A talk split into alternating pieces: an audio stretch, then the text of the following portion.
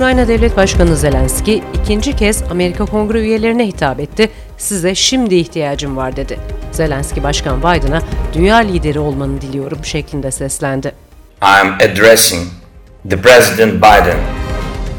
You are the leader of the nation, of your great nation. I wish you to be the leader of the world. Being the leader of the world means to be the leader of peace. Amerikan yönetimi savaşı genişletmesi olasılığı gerekçesiyle riskli bularak karşı çıksa da kongre üyeleri arasında Ukrayna'ya uçak veya hava savunma sistemi verebilecek ülkelerin ellerindeki sistemlerin satın alınmasına sıcak bakanlar oldukça fazla. That a number of these countries have. By the way, this ranges all the way from Greece, you know, up to uh, Poland and even into the Baltics. So there are a number of countries that have these systems. So he's looking for help with regard to us providing the facilitation of this. In some cases, in my view, we should be purchasing these systems if those countries are reluctant to sell them and then providing them. And right now we have the ability to do it. You know, the corridors are open right now for the most part. They may not be shortly.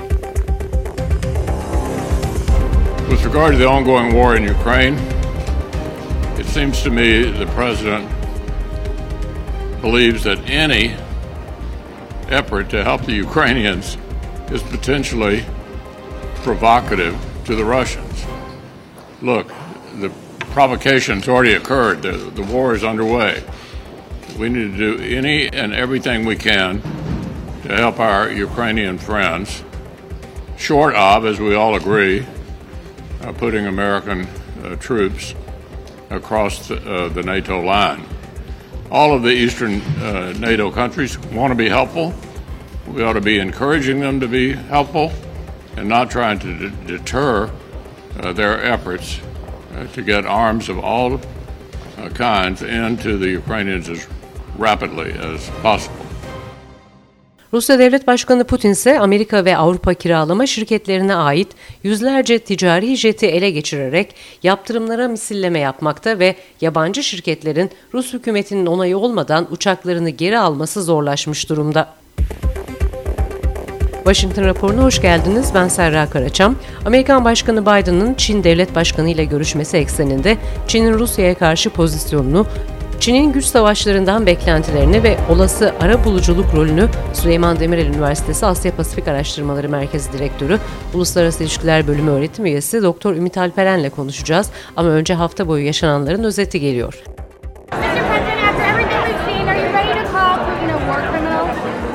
No. Başkan Biden çarşamba günü Rusya Devlet Başkanı Putin için bir savaş suçlusu olduğunu düşünüyorum ifadesini kullandı. Oh, I, I, I think he is a war. Ardından Perşembe günü konuşmaları sırasında Rusya Devlet Başkanı Vladimir Putin'den hem katil bir diktatör hem de saf haydut olarak bahsetti. Uh, standing together against a murderous dictator, a pure thug who is waging an immoral war against the people of Ukraine. Pentagon ise Perşembe günü Rusların Harkov'un güneydoğusu ve Mariupol'un kuzeyinde bir kasaba olan İzyum'u ele geçirdiğini duyurdu. Amerikalı yetkili Rusya'nın Doğu Ukrayna'yı ülkenin geri kalanından koparmak istediği değerlendirmesinde bulundu. Perşembe günü itibariyle Rusya'nın Ukrayna'ya binden fazla füze fırlattığı bildirildi. AP reporters on the ground showed the world a mass grave in Mariupol, a narrow trench filled with the bodies of children. Yesterday, Russian forces dropped a powerful bomb that hit a Mariupol theater where hundreds of civilians were hiding. Rus hava saldırılarının vurduğu Mariupol tiyatrosundan bazıları hayatta kalarak çıkmayı başarsa da kayıpların sayısı belirsiz. Ukrayna'nın kuzeyindeki Chernihiv kentinde ise Rus saldırısında hayatını kaybedenler arasında bir Amerikalının da olduğu aktarılıyor. Mariupol şu anda en büyük insani krizin yaşandığı yer. This is an opportunity for President Biden to assess uh, where President Xi stands. Amerika hafta boyunca Çin'e yönelik mesajlar da verdi.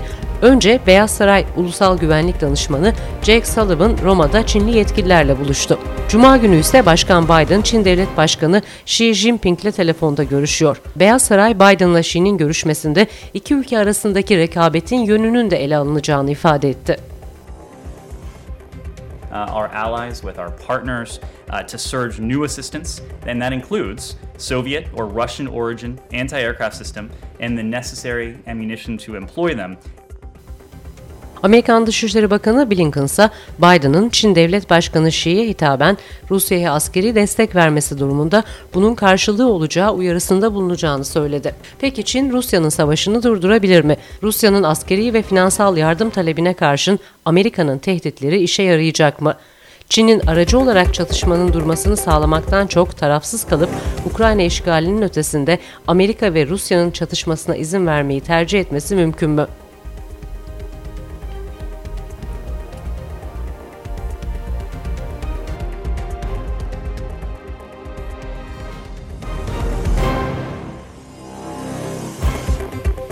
Süleyman Demirel Üniversitesi Asya Pasifik Araştırmaları Merkezi Uluslararası İlişkiler Bölümü öğretim üyesi Doktor Ümit Alperen bizlerle birlikte.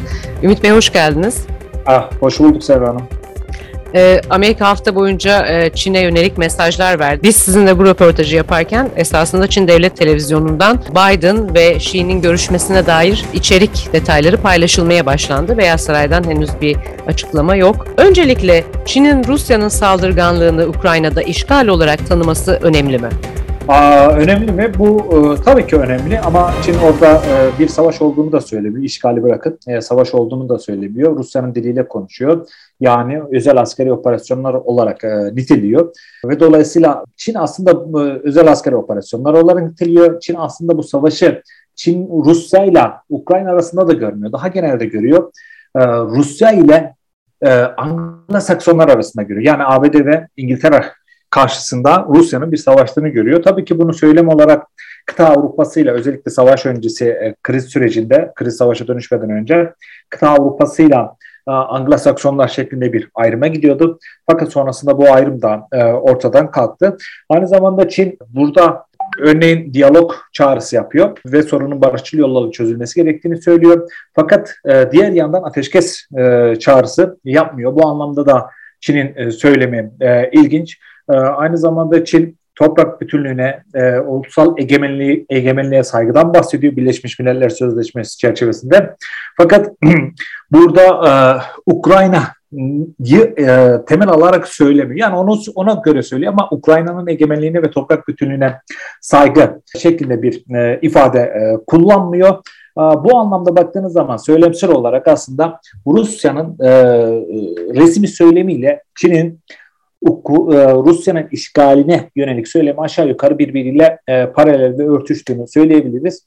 Tabii ki bunu söylerken e, Rusya'nın e, farklı motivasyonları var, Çin'in farklı motivasyonları var.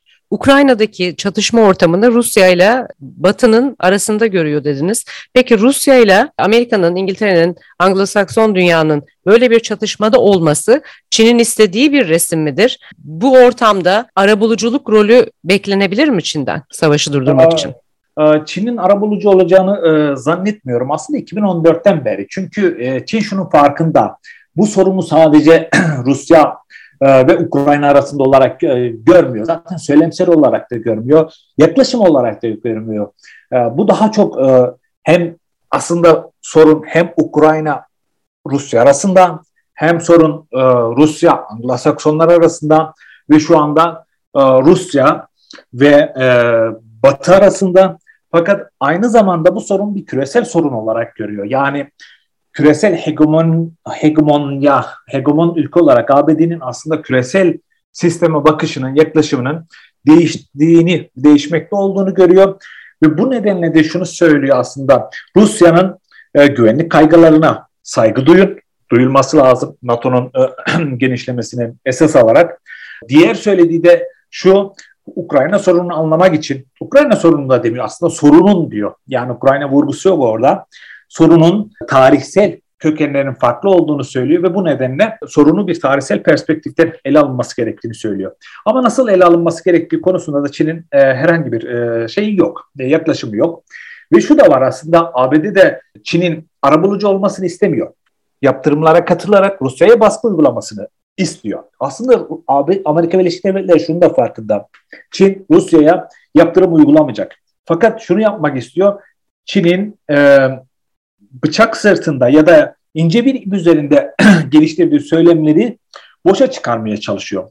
Yani Rusya yaptığı şeytanlaştırma imajını Çin üzerinde de uygulamaya çalışıyor ve Çin'i zor durumda bırakmaya çalışıyor. Çünkü Çin'in söyleminde şu da var.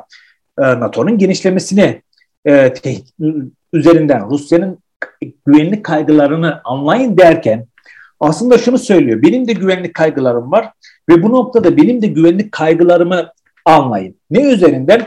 Yani AUKUS ve KUAD üzerinden Çin'in de çevrelenmesine karşı bir söylem geliştiriyor. Çünkü aynı aşağı yukarı. Çünkü Çin'in de yaklaşımda e, Anglo-Saksonlar Rusya'yı çevreliyor.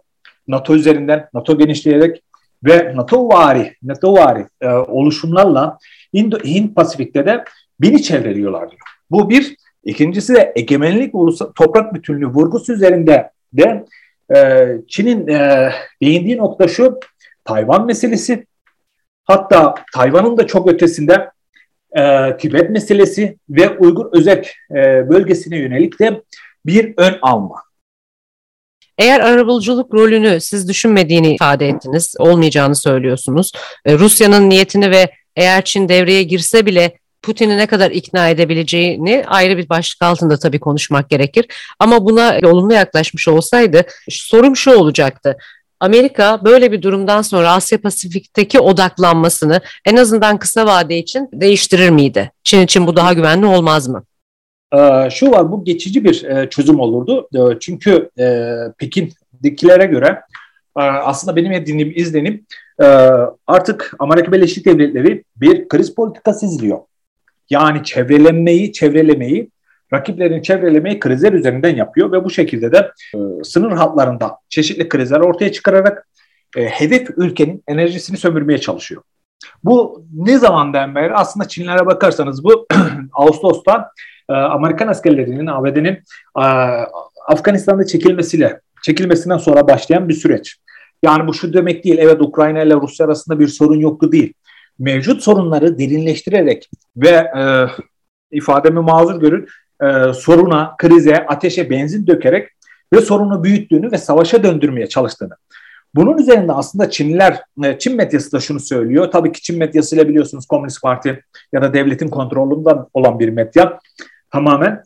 E, Anglo-Saksonlar evet burada bir savaş istediği ve olayı kışkın, e, kışkırttı, provoke etti. Ve bu şekilde ulaşmak istedikleri hedef ittifakı yeniden bir araya getirdi. Aynı zamanda Avrupa'daki e, askeri varlığına da bir meşruiyet kazandırdığı şeklinde bir yaklaşım var. Yani çünkü Çin bunu sadece iki ülke ya da birden fazla ülke arasındaki bir sorun olarak algılamıyor. Çin bunu algılarken bir küresel sistem sistem sorunu olarak algılayıp aslında Rusya'nın boyun eğdirildikten sonra ya da Rusya'nın enerjisi tüketildikten sonra sıranın da kendisine geleceğini e, düşünüyor. O zaman zayıf bir Rusya mı yoksa güçlü bir Rusya mı Çin için daha faydalı? Çin için e, açıkçası e, agresif bir Rusya ama bu agresif e, tamamen rasyonel temellerde olan bir e, agresif Rusya. Kontrolünü kaybetmeyen bir Rusya. Çünkü şu var, Çin ekonomik bir güç olarak ortaya çıktı ve bu ekonomik varlığını, ekonomik gücünü politik ve askeri güce e, zaman zaman çeviriyor ve çeviriyor. E, fakat şu var, dünyadaki kronik sorunlardan ya da ABD'ye doğrudan bir meydan okuma içerisinde askeri ve politik olarak girmiyor. Bunun yerine ne yapıyor aslında? Birleşmiş Güvenlik Birleşmiş Milletler Güvenlik Konseyi'ndeki oylamalarda vesaire görüyoruz. Örneğin Suriye konusunda.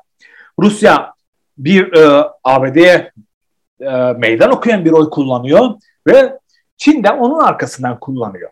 Ama şu var sadece e, Rusya'nın sisteminin elimine edildiği tamamen batıya iliştirilen bir iliştirilmiş bir Rusya'yı düşünün. Bu sefer e, esas güç olan Çin tamamen yalnız kalacak ve ortada kalacak. Bunun yerine sistemde daha agresif güç olan Rusya'nın Rusya ile kendi politikasını aslında bir ölçüde küresel e, imaj açısından da perdeliyor.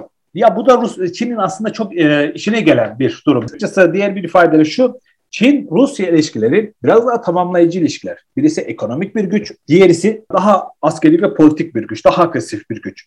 Bu bağlamda da güç çok güçlü bir Rusya Çin'in işine gelmez. Peki Rusya'dan Çin, askeri teçhizat alımı yaptığını e, biliyoruz Çin'in doğru mu? İkincisi de Çin Rusya'ya askeri olarak nasıl bir destek verebilir? Putin'in istediği askeri ve finansal destek kalemlerine baktığımızda bu mümkün mü?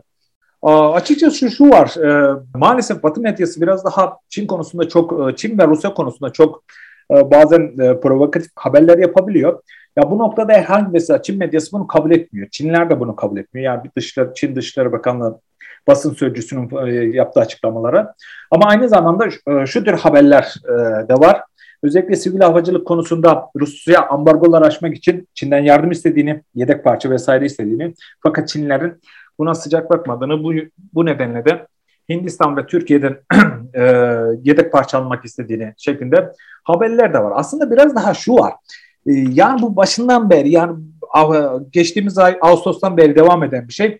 ABD güçlü olduğu alana e, Çin'i çekmeye çalışıyor.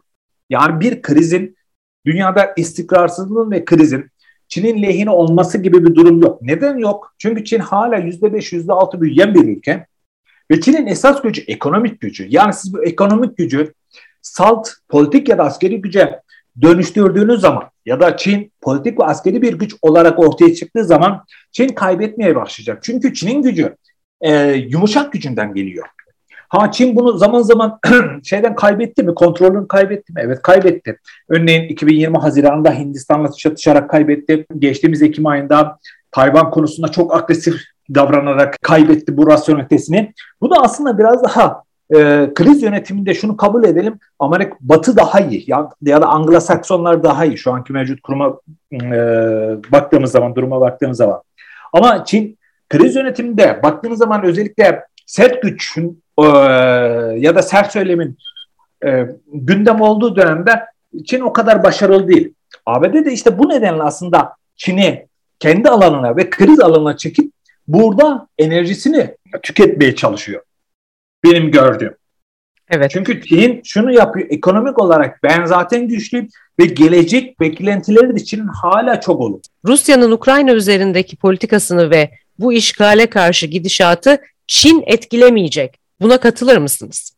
Çin etkilemeyecek, açık bir şekilde etkilemeyebilir. Ama tabii ki kapalı kapılar arkasından nasıl bir diplomasi işler orası biraz daha muamma. Çünkü Çin açık bir halk diplomasisi yerine daha çok arka kapı diplomasisini tercih ettiğini de açıkçası biz e, görüyoruz. Peki Biden'la bugünkü görüşmeye dönersek ikili ilişkiler bağlamında neler söylersiniz? İkili ilişkiler için e, iki ekonomik güç e, her fırsatta Amerika Birleşik Devletleri eşit ve rakip olarak gördüğünü bu anlamda ifade ediyor. Bugünkü ilişkiler aslında e, şu, Çin ve ABD'nin yaklaşımı şu. Yani daha önceki e, biliyorsunuz Perşembe günü Roma'dan e, Jack Sullivan ile Yang Jiechi 7 saate yakın görüşüyor.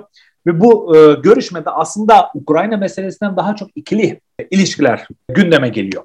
Bu ikili ilişkilere de anladığımız üzere yani Ukrayna üzerine toplanıyorsunuz, Ukrayna kriz üzerine e, bir toplantı yapıyorsunuz ama ikili ilişkileri görüyorsunuz, gö- görüşüyorsunuz ağırlıklı olarak. Çünkü bunun nedeni aslında Çin'in de bu sorunu daha çok küresel bir sorun olarak ele alması, küresel sistemdeki hegemon gücün politikalarındaki bir değişim olarak e, ele alması ve bunun üzerinden kendisine bir tehdit olarak algılaması. Yani Rusya üzerinden aslında Rus Ukrayna'da olan benzer şeylerin kendisine de olabileceği ve kendisine de benzer politikaların uygulanabileceği şeklinde bir yaklaşımı var, bir düşüncesi var. Bu nedenle de ikili ilişkiler e, görüşüyor. Amerika Birleşik Devletleri Çin'in küresel sistemin isteklerini çok iyi biliyor. Kendisine saygı duyulmasını istiyor Çin. Diğer yandan da daha kısa bir ifade uluslararası statüsünün tanınmasını, kendisinde büyük güç olarak Amerika eşit bir güç olduğunu kabul edilmesini istiyor. Fakat Amerikan medyasına baktığınız zaman ya da Amerikan karar alıcıların açıklamalarına baktığın zaman şunu söylüyor. Çin Rusya'ya destek vermeyeceğinden eminiz ya da Rusya'ya yardım edersen nokta nokta nokta. Yani işte burada ne kadar caydırıcı olabilir Amerika? Bu caydırmak amaçlı değil. Tamamen tahrik amaçlı yapılan bir şeydir. Yani ikili ve iki, iki büyük gücü düşünün ve iki büyük güç birbirine res çekiyor. 7 saat görüşüyorsunuz ve siz birbirinize res çekiyorsunuz. Rusya'ya yardım edersen işte şunu yaparım bunu yaparım sana. Ya bu aslında baktığınız zaman diplomatik olarak da çok e, doğru bir dil değil. Sorunu çözmeye yönelik bir dil değil. Mevcut sorun aslında provoke etmeye. Çünkü karşınızdaki de büyük bir güç. Karşınızdaki de büyük bir güç. Ve bunu e, işte e, bu şekilde Çin'in de cevap verip krizin içine dahil edilmesi. Ama Çin'in söylemlerine baktığımız zaman özellikle Dışişleri Bakanları sözcüsünde ki hem e, Dışişleri Bakanlığı düzeyinde hem de başkan düzeyinde Çin'in doğru düzgün Ukrayna sorunuyla ilgili bir ifadesi açıklaması yok. Çünkü Çin mümkün olduğunca bu sorunun dışında kalmaya ve küresel sistemdeki kazanımlarını korumaya çalışıyor. ABD'nin yaptığı şey ise bunu tamamen işte e, Rus Çin'i de bir şekilde krizin içine dahil edebilmek ve bunu da işte bu şekilde tehdit diliyle yapıyor. Peki siz işte e, en yüksek seviyedeki e, diplomatlarınız görüşüyor ve sonuçta çıkan res çekiyorsunuz ve ondan sonra devlet başkanı düzeyinde e, görüşme yapıyorsunuz. Aslında bu devlet başkanı düzeyinde yapılması res da çekilme şu... destek verirse Rusya'ya askeri veya finansal olarak bu, bunu böyle ifade ediyorsunuz doğru mu? Yani Evet evet ama şunu da söyleyebilir. Ya destek vermeyeceğine inanıyoruz. Uluslararası hukuka uygun e, davranacağına inanıyoruz şeklinde de daha yumuşak bir ikna edici bir yöntem olabilir. Ama bunun yerine res çekilmesi e, çünkü Çin'de bu tehdit dili demek istiyorsunuz. Evet yani evet tehdit dili ve Çin'de de bu tehdit dili olarak algılanıyor. O yüzden Çin medyası ve Çinli karar alıcılar da bu konuda aslında çok da yorum yapmaktan kaçınıyor çünkü krizin daha fazla derinleşmesinin kendilerinin zararına olacağını çok çok iyi farkındalar. Kendilerini de etkileyeceğini. Çünkü mevcut sistemden en çok faydalanan ülkelerin başında Çin geliyor. Rusya yani savaşı sürdürürse ve gücünü kaybederse bu savaştan zayıflamış çıkarsa anlamında mı? Hayır. Kendileri zayıfla... de kaybedecek dediğiniz Amerika'nın daha fazla yaptırımıyla mı? Nasıl e, Hayır, şu kayıp? Var, küre, küresel sistemin kesintiye uğraması hem bu finansal olarak, ekonomik olarak, ticari olarak, e, politik olarak Çin'in aleyhine olacak bir durum. Çünkü Çin'in o bahsettiğim Çin'in gücü e, askeri ya da politik gücünden daha ziyade ekonomik gücünden geliyor. Bir büyük bir yatırımcı olması, büyük bir finansal finansör olması, büyük bir e, ticari ortak olması Çin'in esas gücü bu. Eğer Çin salt bir askeri güç olsa, örneğin bir Rusya gibi değil. Rusya baktığınız zaman tamam bir askeri güç görünümü var. Ama askeri güç Çin bir askeri güç görünümüne dönüştüğü zaman tamamen örneğin ticari partnerlerinin hepsini korkutacak. Çin'in imaj, imaj inşa etme sürecini de ciddi anlamda e, zarara uğratacak. Evet, Doktor Ümit Alperen çok teşekkür ediyoruz. Süleyman Demirel Üniversitesi Asya Pasifik Araştırmaları Merkezi Uluslararası İlişkiler Bölümü öğretim üyesi Biden-Xi görüşmesi üzerinden Çin'in Rusya ile ilgili pozisyonunu, e, beklentilerini e, ele aldık. E, vaktiniz için çok teşekkürler. Ben teşekkür ederim. İyi günler. Good afternoon, everyone. Um, I think it's perfectly clear that Vladimir Putin is not uh, the cause of this rampant inflation that began at the beginning of the year, was fed by the $2 trillion so called rescue package which produced exactly what Larry Summers predicted 40 year high inflation. So let there be no confusion about the reason we're in this inflationary spiral. Haftanın bir diğer önemli gelişmesi Amerikan Merkez Bankası Federal Rezerv'in 2018'den bu yana ilk kez faiz oranlarını arttırdığını duyurması oldu. Karar pandemi ve tedarik zinciri krizinin neredeyse her şeyin maliyetini yükseltmesiyle ortaya çıktı.